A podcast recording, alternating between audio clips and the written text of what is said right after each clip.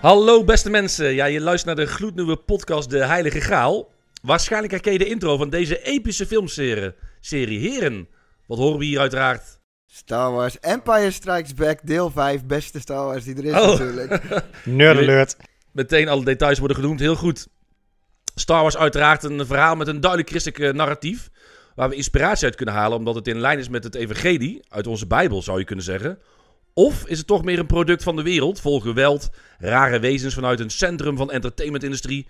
Waar ook veel vandaan komt, waar juist heel weinig in lijn is met de boodschap van Jezus en het geloof. Nou, over die spanning wil ik het eigenlijk een beetje hebben vandaag. In deze podcast van Heilige Graal. We gaan het hebben over eh, christendom en eh, de popcultuur. Dus eh, we gaan een beetje een kader neerzetten. Wat spreken wij over? Wat is die popcultuur? En nou ja, we, misschien kunnen we beginnen met een paar leuke stellingen. Ehm, maar zijn die eigenlijk Star Wars fans, heren? Of, eh, Eh, ik was een heel groot Star Wars fan, maar de laatste drie delen eh, ben ik niet heel tevreden over. Dus nu ben ik eigenlijk fan af. Maar dat laat wel zien hoe groot fan ik was, dat ik zo emotioneel betrokken was. dat ik teleurgesteld kan zijn in de filmserie. precies. Thomas?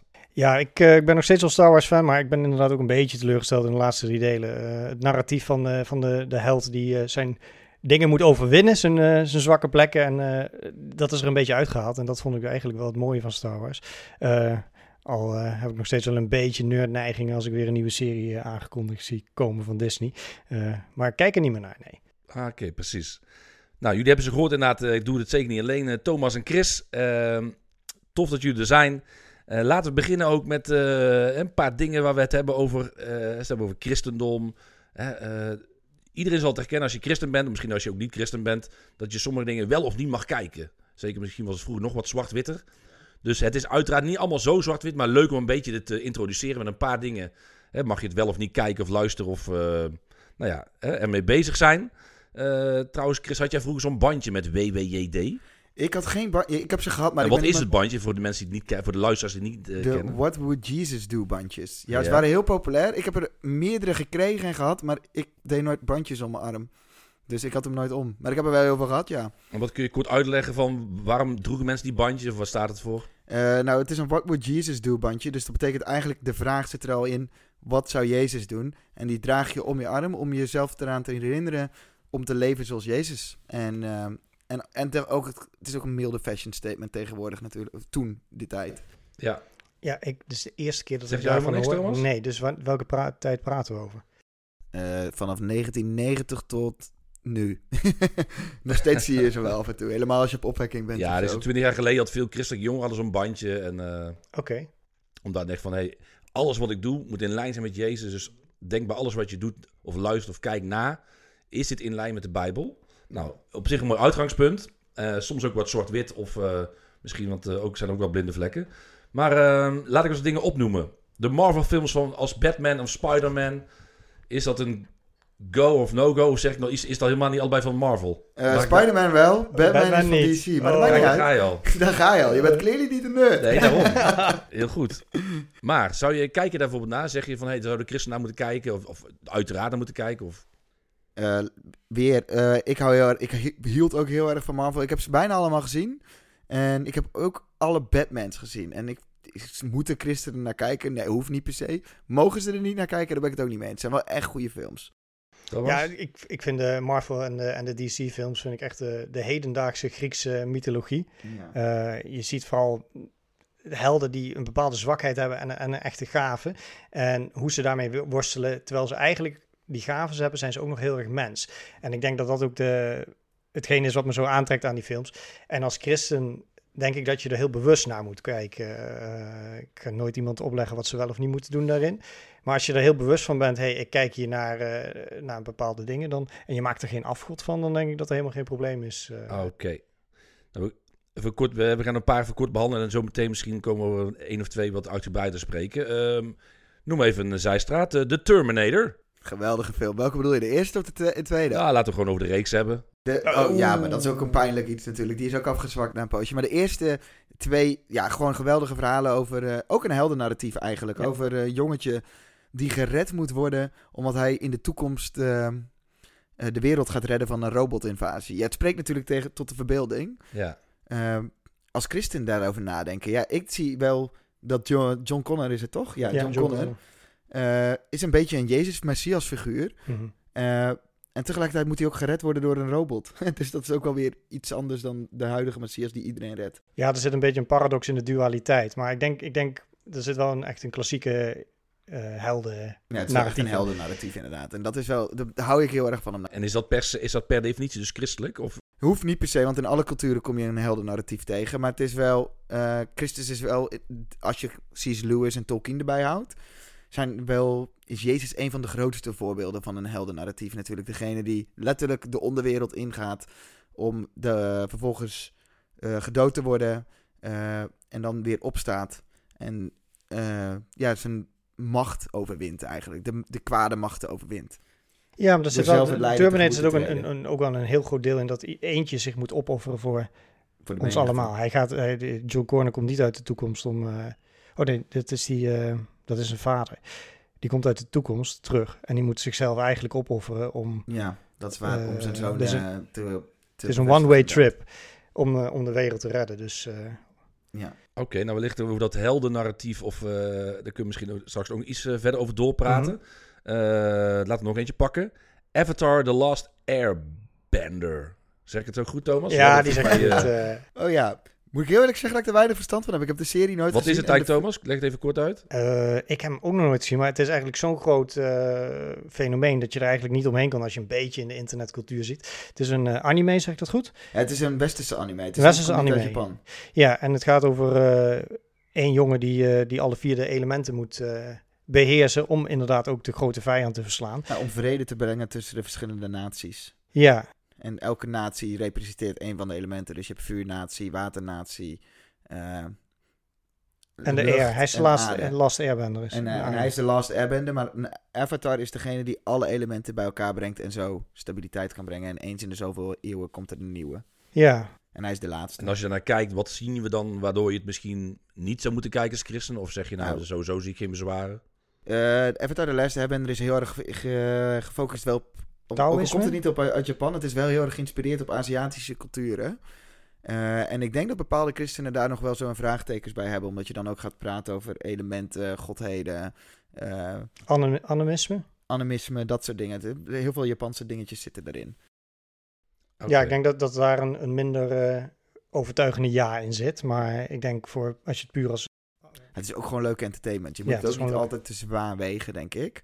Maar het is wel heel erg goed om te bewust te zijn. Wat voor dingen probeert eh, deze media mij te vertellen. En, en eigenlijk alle media is een vorm van propaganda natuurlijk.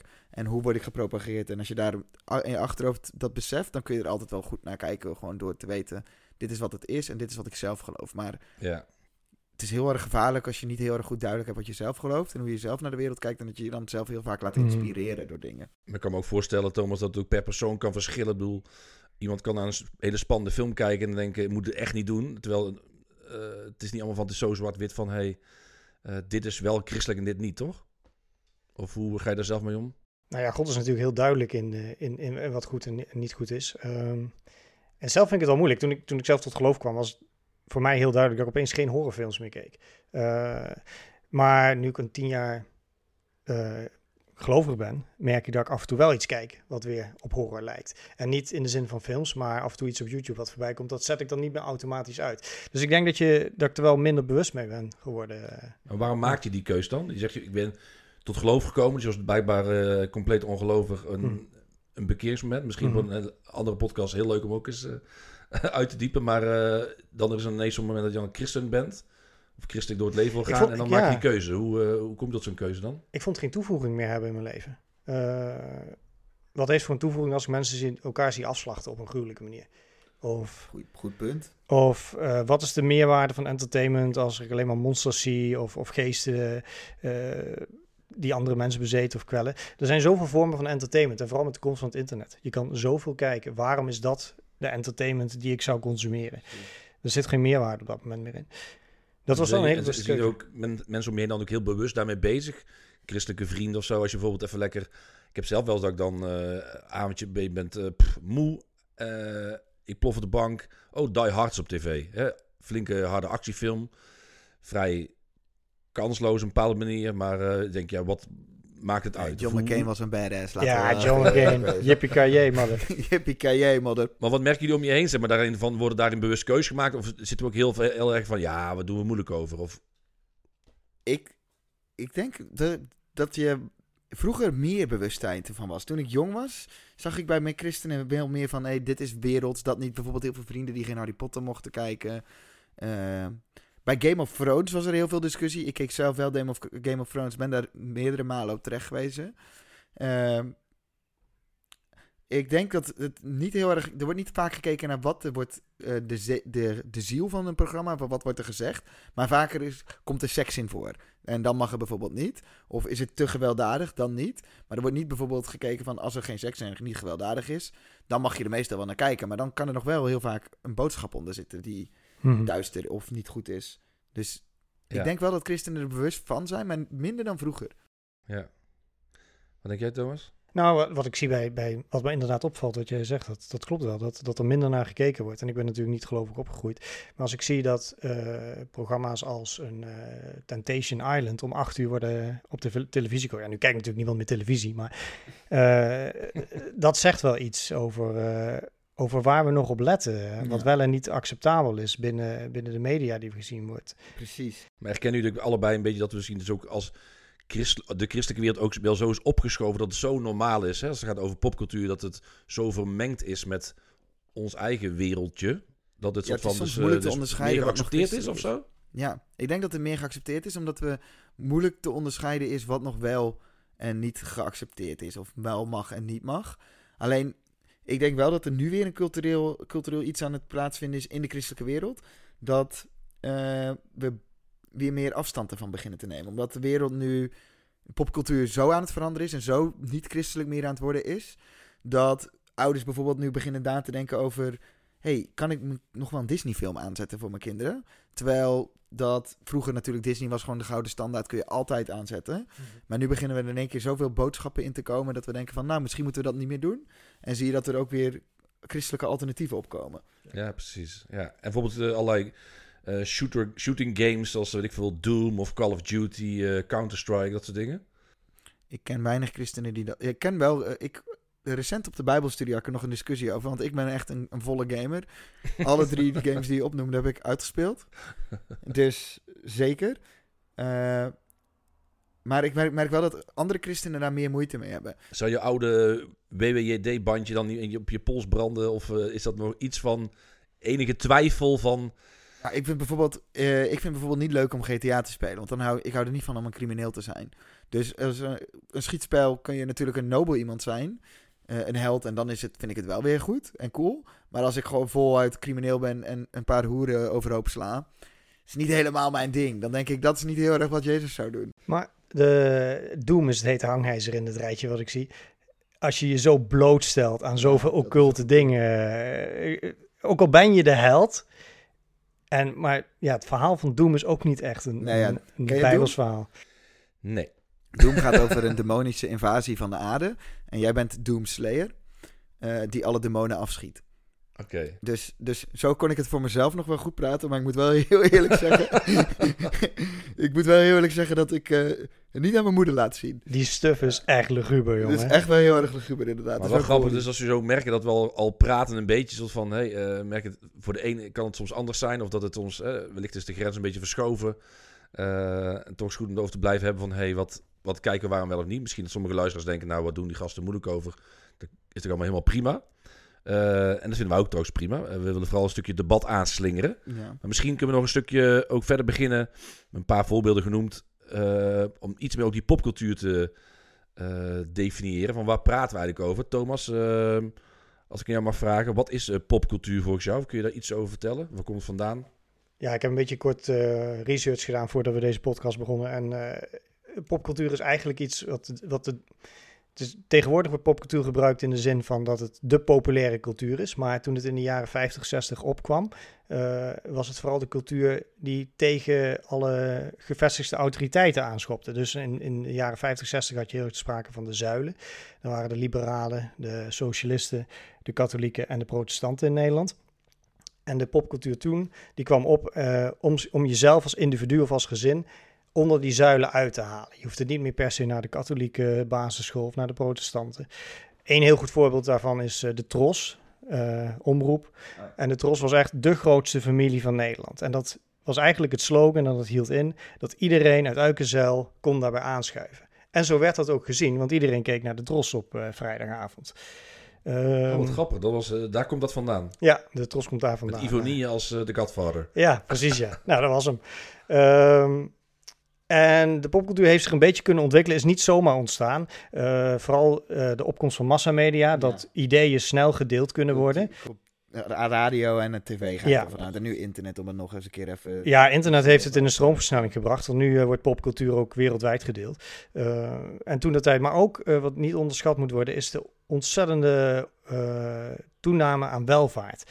Als jij op je dertiende niet meer in de bakkerij van je vader hoeft te werken, omdat je vader genoeg verdient en jij als jongere ook gewoon leuke dingen kan gaan doen, dan kan je media gaan consumeren. Ja. En kan je jezelf als je eigen identiteit gaan ontwikkelen. En daardoor kreeg je dus al die, al die hippie-bewegingen en de, en de nozums en de, nou ja. ja. Opkomst van fancultuur. Fancultuur, dat soort dingen heeft alleen maar kunnen plaatsvinden, omdat je dus niet alleen maar hoeft te werken en te slapen. Ja. Uh, dus tot zover uh, dat, het, dat het opgekomen is. Um, nou ja, tegenwoordig is het natuurlijk uh, is het heel iets anders geworden. De popcultuur staat nu voor wat populair is. Dat is ook de afkorting. Um, en we zijn eigenlijk van de, onder die zuilen uitgegaan. en dat is dus nu bijna in het extremes. Ik weet niet tot hoever dat nog doorgaat. Maar nu zitten we helemaal niet meer in de zuil. Je bent niet meer onderdeel van een collectief. Maar je bent onderdeel van je eigen kleine sociale kring. En die kan je helemaal op maat maken.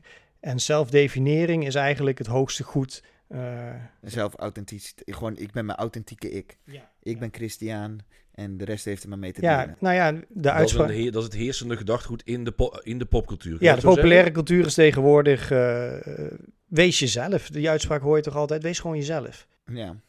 Ja, nee, gewoon inderdaad hoor je heel veel. En dat is bijna een heilige, heilige verklaring in de, in de... Ja, je mag niet twijfelen aan, eh, aan, aan je authenticiteit. Wees je ware zelf, hoor je ook wel af en toe. Wie dat nou is, weet ik ook niet echt, maar... Ja, en of dat wenselijk is, is ook een tweede.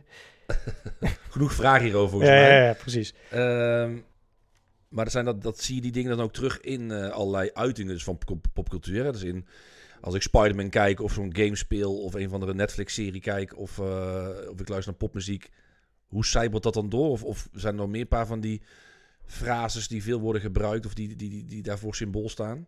Nou, interessant genoeg is de, wat we net bespraken, of bespro uh, wat we net hebben besproken, is dat we, dat we verschillende multimedia of, of, uh, of, of, films of wat dan ook, waar een heldennarratief is, eigenlijk het, uh, de eigen verantwoording nemen en, en iets goed doen voor je omgeving, ja. je opofferen voor je omgeving zijn eigenlijk de films die het beste doen.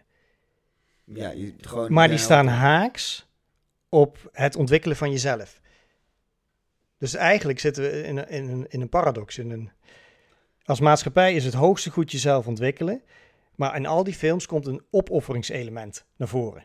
Ja, voor anderen dat je, opkomen en, het haken terug op een oudere moreel. Ja. Uh, van je naaste, nou eigenlijk je naaste liefhebber, jezelf op de tweede plek zetten. En, en je verantwoordelijkheid nemen. Heel erg belangrijk. En niet zoals Luke Skywalker gewoon... Uh, Luke Skywalker ging niet... Uh, dat is van Star Wars, toch? Begrijp ik? Ja, oké. Okay. Dat ging geen, ging geen TikTok-pagina beginnen en, uh, en zijn eigen leventje leiden. Nee, hij ging vrijwillig op het gevaar af om zoiets goeds te doen voor de rebellen. Ja, en je, precies wat Jezus zegt in, in, het, in het feit dat hij zegt van... hé, hey, als je, je, je offert jezelf op of, of, het groot, wat ik, jij bent beter in dan ik, dat je grootste goed is je, je leven geven voor je vrienden. Ja.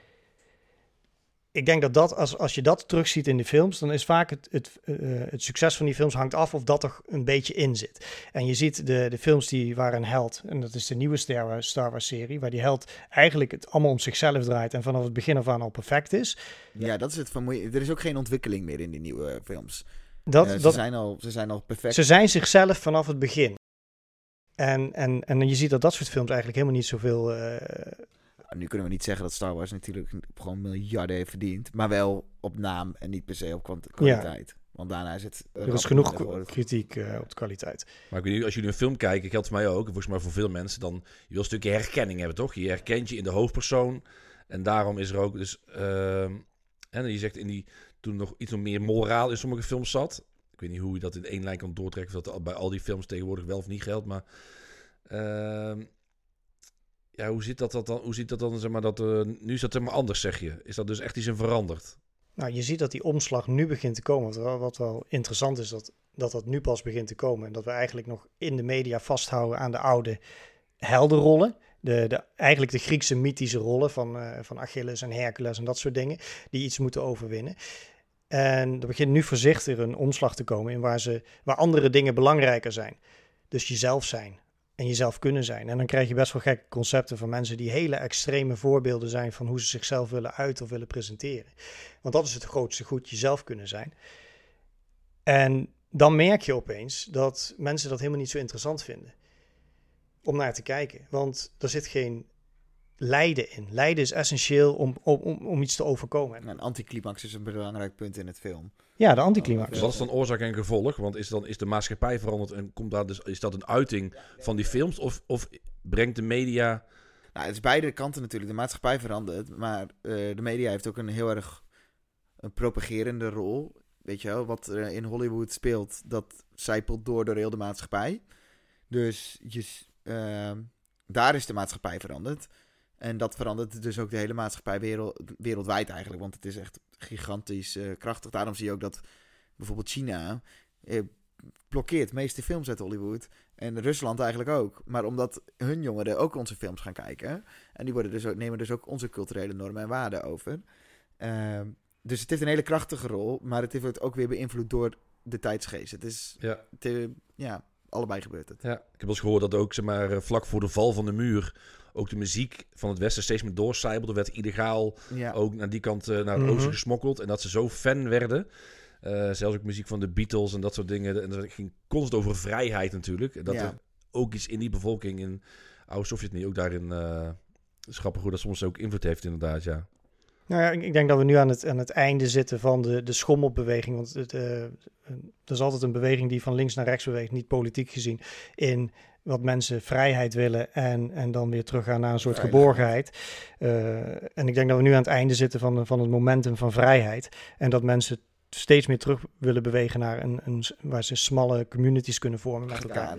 Ja, dat je toch weer, dat je je vrijheid, dat daar ook een bepaalde ethische verplichtingen bij komen. Je hebt vrijheid en je bent vrij. Dat is een heel groot goed. Nou, ik denk dat dat een christelijke boodschap is. En ik ben niet helemaal met je eens dat dat nou zo populair is op dit moment. Ik denk dat het minder populair aan het worden is. Maar dat wij, wij twee eh, en, en een hele grote groep mensen en jullie, heel veel mensen dat wel heel interessant vinden. En in die cirkels begeven wij ons. Maar ik denk dat als je wereldbreed kijkt, dat het juist nog steeds is van nee, je hebt minder verantwoordelijkheid. Ik moet meer voor mezelf zorgen, weer meer voor mezelf opkomen. Mhm. Maar dat de tegenreactie, daarin zie je, zie je een christelijke tegenreactie een beetje. Eh, met Jordan Peterson-achtige mensen en dat soort dingen. Ja. Die zeggen van nee, nee, eigen verantwoordelijkheid, nee met heldennarratief. Wie is Jordan Peterson voor de mensen die hem niet kennen? Heel kort in één zin. Jordan Peterson is een psycholoog uit eh, Canada. eh, Canada, dankjewel. Die eh, een boek heeft geschreven, heel erg in opspraak is gekomen. Maar wat hij voornamelijk zegt is neem je verantwoordelijkheid. Draag je Eh, kruis. draag je kruis, pak het zwaarste op wat er is. Eh, en dat is hetgeen wat je zingeving gaat geven. En meer op zoek naar zingeving dan naar geluk. Terwijl hij niet uitgesproken christelijk is constant, toch? Nee, maar dat is wel aan het veranderen. Ja, langzaam. Langzaam aan het veranderen. Maar het is wel heel veel christelijke normen en waarden. Hij haakt het wel heel vaak terug op wat de Bijbel zegt. Ja. Ja, maar vind je dan nog niet dat, eh, dat de beweging naar nog meer vrijheid... eh, Nou, het is geen vrijheid meer. Het is, het is eh, vrijheid van eh, kritiek is wat er nu heel erg aan het spelen. Mhm. Vrijheid van, ik ben vrij om niet beledigd te worden. Ik ben vrij om mezelf te zijn. Maar dat betekent ook tegelijkertijd dat andere mensen zich moeten conformeren aan jouw vrijheden. ja. Eh, en ik denk dat traditioneel vrijheid dat we hebben is iedereen mag op zichzelf zijn en mag zijn eigen ding doen en we bemoeien niet met elkaar.